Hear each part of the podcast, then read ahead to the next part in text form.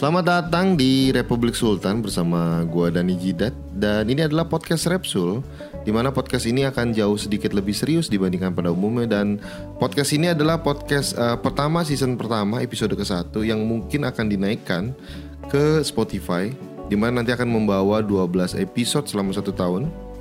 Yang uh, gue nggak tahu apakah video ini akan dinaikkan di Repsul atau ini hanya sekedar akan di uh, Spotify aja.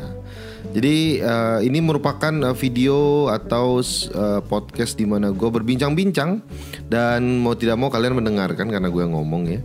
Jadi di sini gue akan coba untuk ngobrol-ngobrol uh, hal-hal yang menurut gue menjadi keresahan atau mungkin gue akan jadi lebih mudah untuk me, apa namanya mengekspresikan hati gue ya asai hati bro ya jadi uh, di video atau di podcast pertama gue ini adalah tentang bapak gamer. Jadi mungkin bagi kalian yang pernah ada nonton uh, video bersama anak tua kemarin, jadi gue memang ada niat untuk membuat satu bangun podcast di mana adalah tentang uh, bagaimana ketika pada saat lagi seorang gamer menjadi seorang bapak. Dan ini murni murni semuanya itu berdasarkan pengalaman gue. Jadi bagi kalian yang ah nggak related sama gue ya mungkin memang hidup anda tidak sama dengan hidup saya ya. Tapi ini adalah yang gue alamin dan juga mungkin ini akan menjadi pelajaran buat kalian ya yang sedang menuju ke jenjang pernikahan atau sedang bersiap-siap atau sedang mencari jodoh atau memang uh, ingin bercita-cita untuk menikah dan ternyata kalian tuh sekarang tuh adalah anak gamer yang gila banget gitu dan kalian mikir kalau nanti gue jadi uh, pas lagi gue jadi gamer jadi pas nanti gue udah nikah apakah gue akan menjadi tetap gamer atau lo udah udah dari awal tuh kayak pokoknya kalau nanti gue nikah nih gue kalau istri gue tidak bisa menerima gue apa adanya saya tidak mau. Dia mesti mengerti bahwa saya adalah seorang gamer.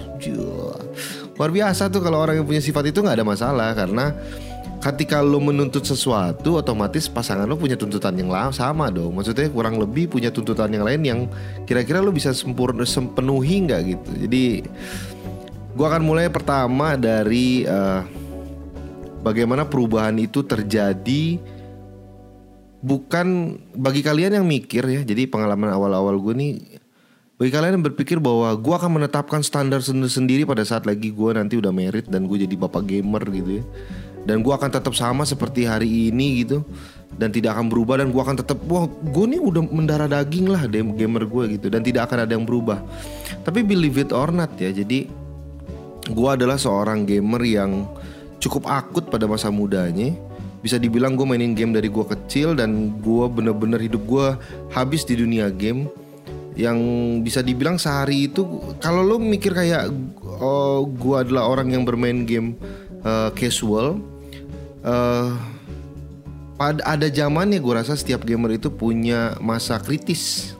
Di mana masa kritisnya itu dia bisa main misalnya lagi liburan nih bangun siang gitu jam 11 dia main game terus sampai jam 4 pagi atau enggak jam 6 pagi ditidur lagi bangun lagi jam 11 jadi malamnya tuh udah semakin malam kita semakin seger ya kan? Dan uh, ketika pagi ketika matahari itu datang ah itu otomatis uh, si kita itu udah kayak vampir terus langsungnya oh ah, tidak ini udah saatnya tidur. Wah sudah terang ya kan? Nanti ketika siang aja baru bangun lagi dan main lagi. Dan gue rasa semua sama dan gue juga pernah ngalamin. Jadi uh, bagaimana akhirnya seorang gamer yang menurut gue cukup akut karena ada beberapa game atau mungkin ada beberapa tahun gue menjadi sangat akut yang gue walaupun nih gue besok pergi kerja ya waktu gue udah masuk dunia kerja tapi gue belum merit. Besok gue harus tahu gue harus bangun jam 8 jam 7 gitu. Tapi gue jam 3 tuh masih main game. Jam 4 tuh masih main game dan gue adalah orang yang rela me, ha, apa ya memangkas waktu tidur gue demi sebuah game kayaknya. Ah gue lebih milih untuk tidur 3 jam 2 jam daripada gue tidur lebih panjang tapi gamenya kurang gitu jadi uh, eh, gue nggak tahu uh, lo termasuk yang akutnya kayak gimana ya. Tapi itu adalah akutnya gue di di zaman dulu. Nah akhirnya pada masuk masuk dunia pernikahan yang pasti bahkan sebelum lo merit lo ada yang namanya persiapan. Nah yang ada tuh se sebelum persiapan itu sebenarnya udah ada tanda-tanda di mana cara pola pikir lo udah mulai berubah kan. Jadi maksudnya gini lo udah mulai ada satu benang merah tentang tanggung jawab yang harus lo kerjain. Kayak misalkan ketika pada saat lagi lo harus mulai persiapan, kalau harus mulai mikirin tuh pasti si cewek nuntut dong. Eh kita mesti ngundang siapa? Oh makanannya apa? Oh bunganya warna apa? Oh ininya apa? Oh ada gila. Nah kecuali memang lo menyerahkan semuanya itu kepada keluarga lo dan lo tidak mau ikut campur sama sekali lo hanya adalah seorang pangeran berkuda putih yang nanti datang pada saat lagi uh, acara perkawinannya gitu ya jadi mungkin itu masuk kategori ini ya nggak masuk kategori yang akan gue sebutkan. Tapi rata-rata mereka involve gitu. Kita sebagai cowok tuh involve dan kita ter terbawa pusing yang sebenarnya kita tidak inginkan gitu. Nah otomatis sadar tidak sadar bermain game lu di situ langsung kepotong. Gue nggak banget. Jadi pada saat lagi gue baru mau merit aja persiapan aja itu udah mulai kepotong dulu waktu zaman pacaran gue masih oh tidak tidak bisa kalau saya lagi online atau nggak gue lagi main game mau namatin sesuatu wah gue akan main game terus gitu tapi ketika pada saat lagi akhirnya lo udah mau masuk pernikahan lagi masa-masa persiapan di situlah waktu lo mulai uh, kepotong dalam bermain game dan ada benang merah kayak rasa tanggung jawab di situ ya. itu yang terjadi. Nah, abis itu lo merit dong. Gue rasa sih di awal-awal merit itu tidak banyak perubahan yang terjadi pada diri lo, tapi perubahan terjadi pada situasinya. Jadi uh, keunikan dari seorang uh, gamer yang akhirnya menikah itu adalah uh, lo sudah tidak sendiri lagi kan. Maksudnya ke lingkungan lo tuh udah bukan tentang diri lo doang kan uh, ngeselinnya tuh adalah kita dulu adalah orang yang sangat bebas banget gitu punya lingkungan sendiri ruang maksud gue lingkungan sendiri tuh artinya gini kamar lu memang lu spesifikasikan gitu untuk diri lu. Nah tiba-tiba pada saat lagi gue merit gitu uh, ruangan gue itu sudah bukan milik saya seorang diri kan? Jadi kamar gue itu udah menjadi milik gue dan istri gue dan uh, eh, gue nggak tahu ada beberapa orang yang agak uh, melihat ini annoying tapi gue rasa ada beberapa orang yang punya kebiasaan ini. Jadi misalkan ada barang-barang yang lo nggak bisa buang gitu walaupun udah tidak berguna sama sekali. Jadi barang-barang itu sudah tidak akan lo gunakan bahkan. Tiga tahun empat tahun ke depan bahkan tidak pernah akan lo gunakan lagi. Tapi at some point your mind gitu mikir kayak ah sayang kalau dibuang gitu. Jadi misalkan keyboard. Lo udah ganti keyboard baru keyboard yang lama throw dong. Harusnya lo lempar saja kan. Tapi nggak lo lakukan. Yang lo lakukan adalah lo nyimpen keyboard lo. Nah gue termasuk adalah orang yang dulu gitu. Jadi gue punya keyboard sampai tiga kalau nggak salah tapi yang gue pakai keyboardnya satu. Yang dua tuh gue simpen di rak lemari gitu lah ya. Nah pada saat gue simpen rak kemarin bini gue ngomong waktu itu ini uh, untuk apa? gitu oh ini nanti kalau spare part ini apa yang ini error yang ini di ini uh, dipakai yang itu. Kenapa harus uh, sampai nyimpen dua gitu? Emang ini jelek? Maksudnya gampang rusak yang dipakai sekarang? Enggak sih. Oh ya udah kalau gitu simpen tempat lain jangan menu-menuin kamar.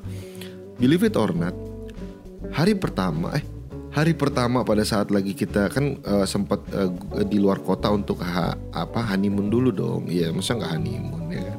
Honeymoon dulu ya kan? Terus abis itu setelah honeymoon balik ke rumah dan itu masuk ke kamar gue jadi waktu itu gue masih tinggal sama orang tua gue jadi masih di kamar doang gitu ya.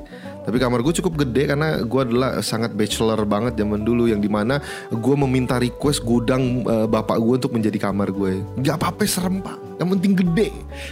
Supaya si kamar ini tuh menjadi kayak singgah sana gue di dalam dunia game gitu. Jadi ada tempat buat main game ini buat ini gitu. Jadi gue gue bikin kayak gitu. Jadi nggak sempit gitu nggak tiga kali empat kayak kos kosan uh, maaf kepada yang kos kosan saya mengerti keadaan anda. Nah abis itu tiba-tiba hari itu hari hari pertama dan hari pertama ya udah kita beres-beres kamar. Dan seperti yang tadi gue ceritain itu il i sampai tiga karung. Barang dibuang. Jadi perubahan yang pertama itu adalah lo mesti tahu bahwa lo tidak hidup seorang diri lagi gitu. Jadi ini bukan tentang lo doang sekarang nih. Lo ada punya satu yang mungkin membantu lo dalam keadaan sulit tapi mengannoying lo dalam keadaan bahagia aja. Jadi eh, lo bener dong. Jadi hal-hal yang menurut lo kecil-kecil gitu yang kayak ah jangan dibuang sayang taruh taruh taruh taruh terus jadi berantakan sebenarnya kan. Tapi misalkan lo taruh dalam rak gitu dan lu nggak mau buang terus dia datang-datang yang kayak ini apaan nih buang gitu. Ini nggak pakai ntar barang aku nggak muat kan segala macam akhirnya mau nggak mau banyak yang banyak yang berubah lah. Itu yang pertama jadi dari dari awal aja lu tuh udah berubah gitu maksud gue. Nah soal masalah main gamenya ini soal masalah lingkungan lo main gamenya tuh di kamar. Terus sekarang masalah gamenya. Uh, Lo tahu nggak sih kalau kita tuh laki tuh punya our sanctuary sendiri. Kita punya waktunya sendiri, kita punya keegoisan kita sendiri ya.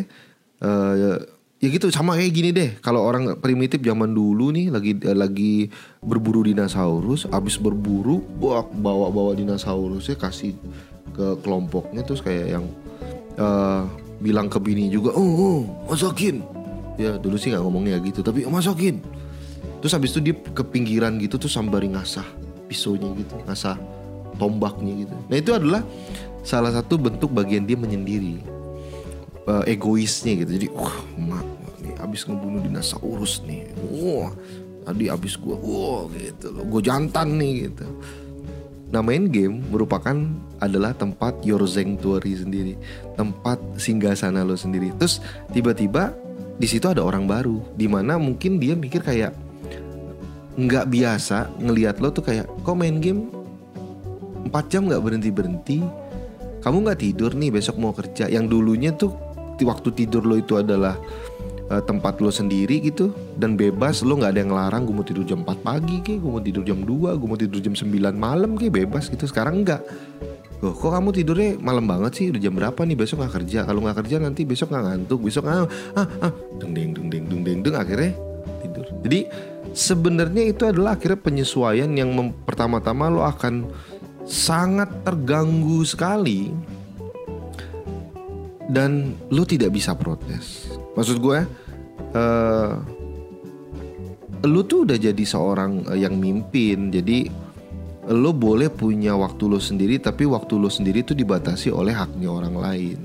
Jadi maksud gue, ketika lo ngomongin soal gue udah nyari gue udah kerja nih gue pulang gue mau uh, punya waktu gue sendiri gitu. Tapi lo mesti ingat lo karena lo seorang yang mimpin keluarga lo maka lo punya kewajiban untuk memenuhi hak orang lain yang berada dalam perlindungan lo nah itu yang mesti lo paham. Dan jadi yang pertama itu yang paling uh, lo harus ngehin itu adalah soal masalah tanggung jawab.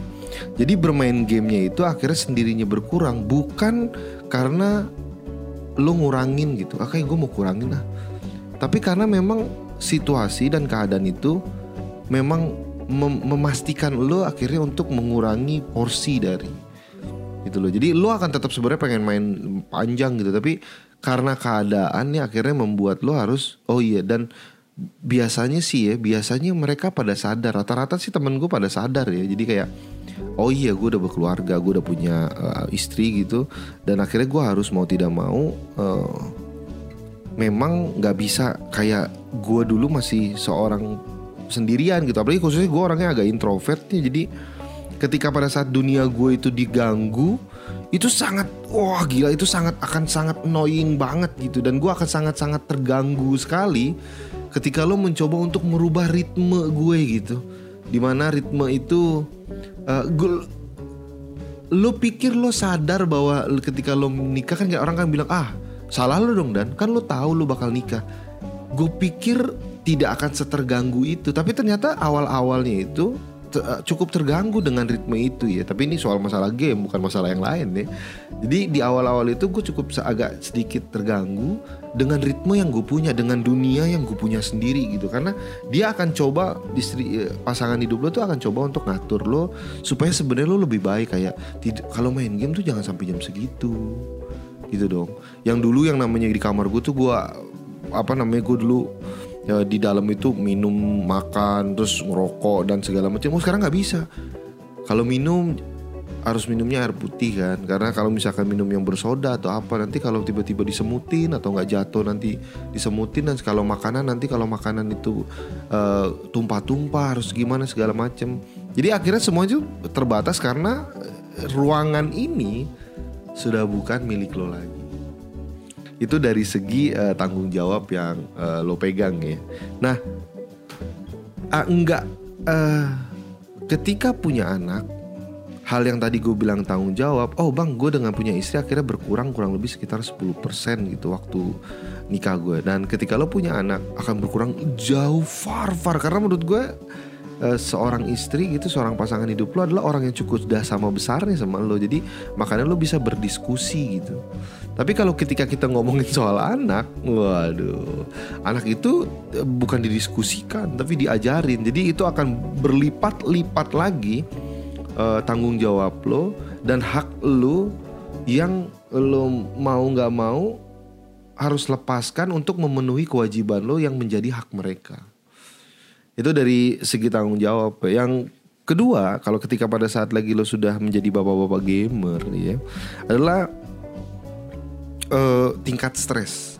Jadi uh, akhirnya yang gue unik tuh adalah gue tuh dulu adalah orang yang bisa sangat hardcore sekali main game yang bisa grinding cukup gila, yang bisa main game itu berjam-jam hanya untuk sekedar. Gue sebenarnya nggak kayak misalnya contoh gini kayak orang main Monster Hunter Iceborne gitu terus mereka bilang kayak bang orang yang main Monster Hunter Iceborne tuh gila banget loh bang. Kayak misalnya bisa main sampai 800 jam 1000 jam. Dan menurut gue tuh memang ada sih. Dan gue tidak terlalu kaget gitu karena kalau lo liatin bagaimana dulu game online PC bermain lo bisa main tuh bulan-bulanan gitu sampai kasarnya gue waktu itu jadi main itu sampai jadi warconnya Akritia di Rising Force Online gitu. Maksud gue itu bukan hal yang akan dihabiskan dengan hanya bermain tuh 20 jam, 30 jam. Jadi itu dimainkan tuh ribuan jam gitu. Dan menurut gue uh, tingkat stres pada saat lagi lo menikah tingkat stres itu memang di, dikarenakan disebabkan oleh tanggung jawab yang lo tadi pegang ya karena lo harus mudah mulai bisa mengatur hanya bukan hanya diri lo. Jadi bagi lo yang sekarang nggak jago ngatur diri lo sendiri lo berharaplah bertemu dengan pasangan yang mampu mengatur ritme.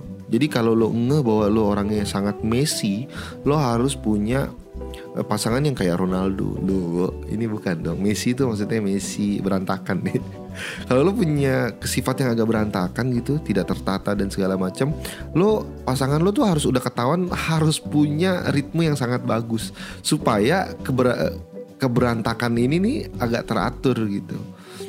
Jadi itu jadi tingkat stresnya itu tuh karena memang tanggung jawab lo dan lo harus sudah mulai bisa ngatur waktu, ngatur kapan main, kapan keluarga, kapan lo kayak untuk liburan semuanya itu harus mulai pelan-pelan teratur gitu. Nah menurut gue itu akhirnya meningkatkan tingkat stres apalagi gue rasa ketika anak-anak sudah mulai beranjak uh, cukup gede dan harus sekolah. Nah ini tantangan yang menurut gue adalah ketika lo dulu punya hak dan kebebasan untuk membeli game semau yang lo mau karena lo udah kerja dan menurut lo ketika lo hidup berdua lo masih bisa handle. Nih gue inget banget waktu pada saat lagi gue uh, awal-awal nikah karena waktu itu gue masih tinggal sama orang tua gue itu gue per bulannya itu hanya mengeluarkan duit tuh sangat kecil sekali.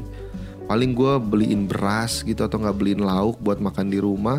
Tapi masuk gue kayak listrik dan segala macam itu waktu itu masih sama orang tua gue tapi gue rasa waktu pada saat lagi pindah bikin rumah sendiri pun pengeluaran tuh masih kecil banget gitu. Tapi ketika punya anak itu suka ada pengeluaran yang memang uh, tidak bisa lo duga gitu. Dan tidak bisa lo tahan. Jadi kayak bukan sesuatu yang kayak kayak kita gitu lapar adalah makan tar sorean dikit deh duitnya tinggal segini. Kalau anak kita kan nggak bisa gitu. Dia lapar kita harus kasih makan dia haus kita harus kasih minum.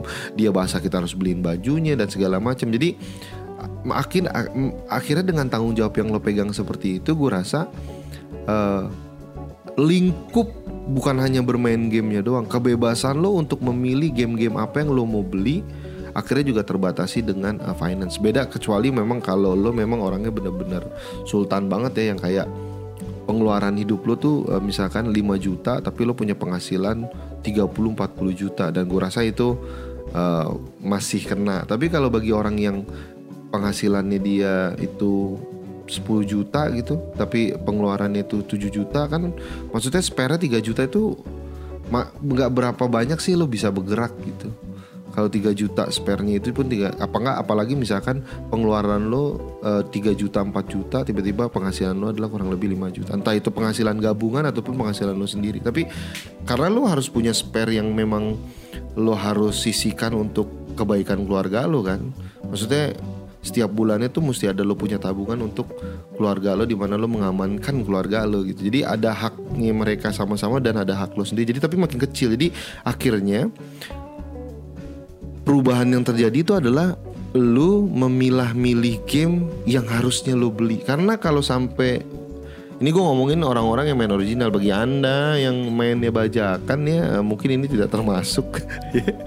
Tapi kalau lu adalah orang yang bermain original lu bener-bener memilah-milih karena coba let's say kita ngomongin kayak satu bulan itu ada 5 game bagus yang keluar di mana rata-rata satu game misalkan 700 ribu.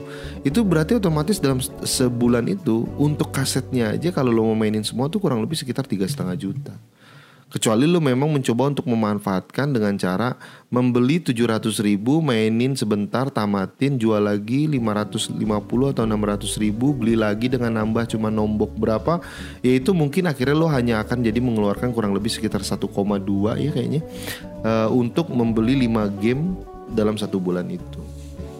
Jadi tinggal pilih gitu caranya, tapi intinya lo harus memilah-milih uh, jumlah game ataupun game-game yang lo mainkan dengan catatan juga selain itu dengan tingkat stres yang lo punya itu bahwa lo kadang-kadang gue ngerasain sendiri dan gue mudah-mudahan ini tidak terjadi kepada kalian semua dengan tingkat stres yang ada itu akhirnya mempengaruhi bagaimana gue bermain game yang dulunya gue grinding sangat kuat gitu. Tapi ketika pada saat nyampe rumah gue hanya ingin bermain game yang menyenangkan untuk gue yang mencoba untuk kayak semacam gue nggak bisa bilang stress release ya itu kayak sotoy banget. Tapi kayak karena ini jadi kebiasaan gue untuk bermain game gue nggak mau main game yang akhirnya membuat gue tuh jadi pusing sendiri. Contoh misalkan pusing itu bukan jadi susah loh. Misalkan contoh gue main game nih eh gue kerja gue pulang misalkan let's say jam 5 sore gue misalkan nyampe rumah jam berapa? Jam 6 jam 7 malam. Terus gue nyampe rumah terus uh, habis ketepak ketepuk ketepak ketepuk gitu misalkan terus apa itu ketepak ketepuk ya?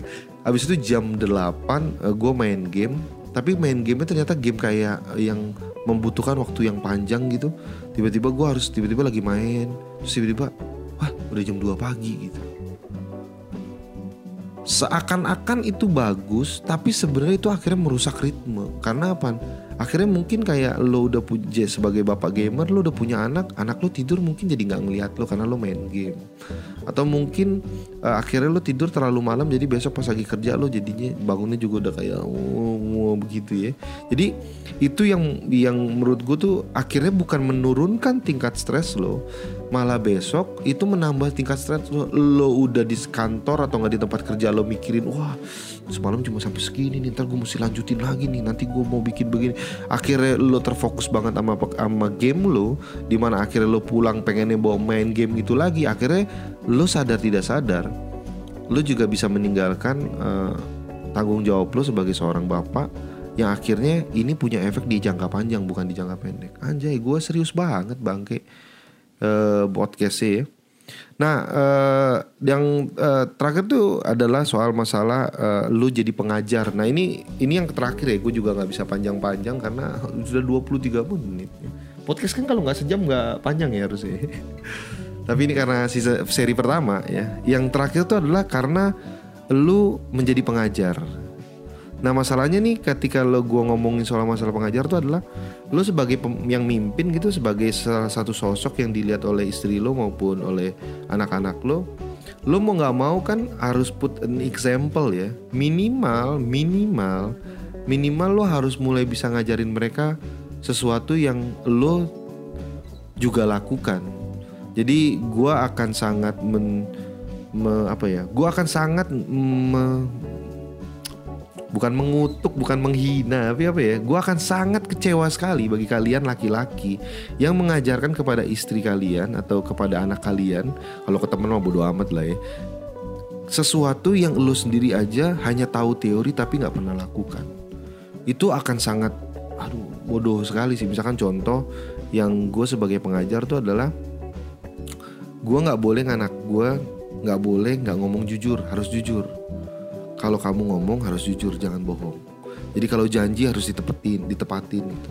Nah hal-hal seperti itu itu kalau sampai salah akhirnya berbalik. Nah pengajaran ini pun mempengaruhi kepada bagaimana dunia game itu ada berdempetan. Misalkan contoh kayak gue nih. Anak gue itu adalah orang yang nggak boleh main hari Sabtu dan Minggu.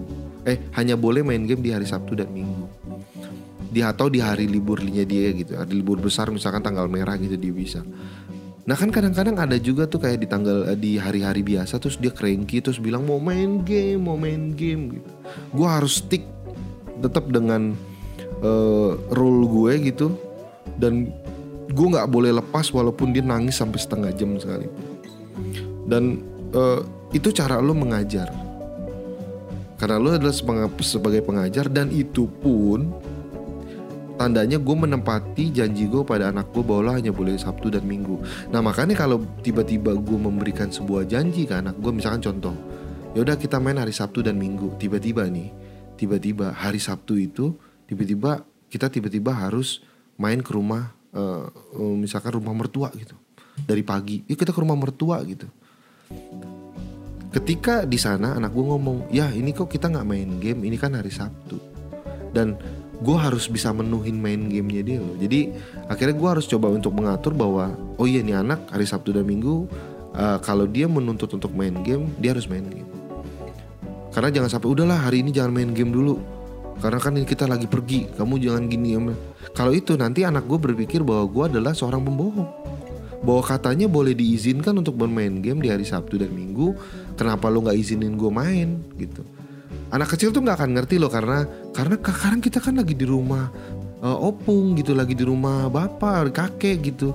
Kita nggak bisa main gitu. Anak kecil tuh nggak ngerti gitu. Yang mereka tahu tuh adalah apa yang lo ucapin dan yang lo janjiin itu sudah menjadi tar ininya dia apa setnya dia. Nah itu yang membuat lu bisa menjadi pengajar apa enggak untuk mereka.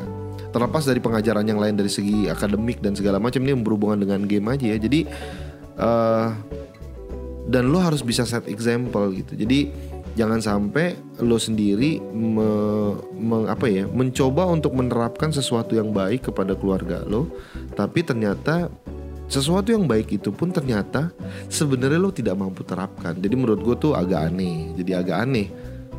Dan itu akhirnya mempengaruhi bagaimana lo bermain game karena akhirnya waktu lo akan banyak kemakan ya karena lo sekarang jadi pengajar otomatis lo harus bisa ngebimbing anak-anak lo. Dan itu pasti akan mengurangi kayaknya kayak setiap guru yang menjadi pengajar akan waktunya untuk belajar kepada dirinya sendiri akan lebih sedikit dibandingkan dia mengajar kepada orang lain. Sama kayak gini sama kayak sekarang otomatis si anak gue akan mencoba untuk meminta bermain game bersama gue lebih banyak yang gamenya mungkin tidak gue mainkan tapi hanya biar mereka seneng-seneng aja.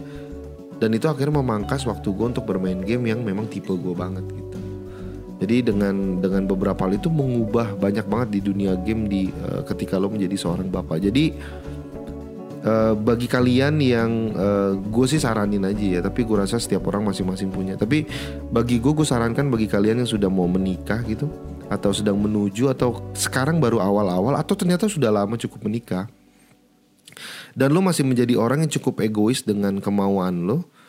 Uh, menurut gue lo harus ingat aja sih lo sebagai apa di situ. Dan seharusnya dengan tanggung jawab yang lo pegang memang mau tidak mau suka tidak suka uh, sebuah tanggung jawab itu memangkas lo bermain game tidak sama seperti ketika lo muda. Jadi jauh banget lah menurut gue bahkan menurut gue kemampuan gue bermain game sekarang itu adalah cuma seper sepuluh dari apa yang dulu gue lakukan setiap hari pada saat gue masih muda dan gue masih bebas gitu dan belum banyak tanggung jawab yang harus gue pegang gitu ya. Jadi sangat jauh sekali dan kalian harus siap-siap sebagai bapak gamer ya. Dan uh, bagaimana mensiasatinya ketika pada saat itu ini gue ngomongin soal masalah basic banget. Uh, kalau misalkan ini naik video kalian bisa tanya di kolom komen yang mungkin akan gue jawab di podcast kedua. Kalau ini ternyata podcastnya uh, banyak yang komen karena ini podcast terlalu serius ya tapi itulah yang gue uh, pemikiran gue dan gue rasa uh, mudah-mudahan ini bagi kalian yang muda-muda yang nantinya akan menikah tidak menjadi seorang laki-laki yang ignoran tidak seorang laki-laki yang merasa dirinya itu adalah sebagai tulang punggung yang uh, rapuh secara mental karena ternyata lo tidak cukup kuat untuk sebagai seorang yang mimpin karena keegoisan lo sendiri tidak hanya di dunia game, di dunia mana pun di hobi-hobi lo yang lain. Jadi lo tidak menjadi sosok yang uh, kuat karena lo adalah pemimpin, tapi lo jadi lemah karena lo merasa lo memimpin gitu. Nah, gue harapkan dengan podcast ini di podcast serius ini jarang-jarang kan gue terlalu serius ya. Uh, setidaknya itu uh, menjadi pembahasan gue bagaimana keresahan gue ketika atau pengalaman gue sendiri ketika pada saat lagi gue uh, ngejalanin sebagai dari gamer ke suami gamer ke bapak gamer. Nanti di episode berikutnya juga gue akan bahas beberapa hal Tapi bagi kalian yang pengen Ada juga keresahan-keresahan kalian yang pengen kalian tanya juga Yang mungkin nanti bisa akan gue podcastkan. Yang pasti gue akan usahakan podcast ini naik setiap bulan satu kali Entah di tanggal berapapun ya. Karena tiba-tiba kalau gue lagi mau naik Ah langsung naik gitu Ya. Dan terima kasih juga yang sudah mendengarkan cukup panjang ini Kurang lebih sekitar hampir 30 menit ya Dan itu aja. Dan mudah-mudahan kita ketemu lagi di podcast uh, serius selanjutnya yang di mana podcast ini adalah podcast apa ya namanya nanti kita akan pikirkan selanjutnya. Thank you guys for listening. Sampai ketemu lagi di next podcast bersama di api ah, gue tuh masih suka terbata-bata ya thank you guys for listening. Gue ulang lagi nih. Thank you guys for listening. Uh, sampai ketemu lagi di next podcast bersama gue Rejidat bye bye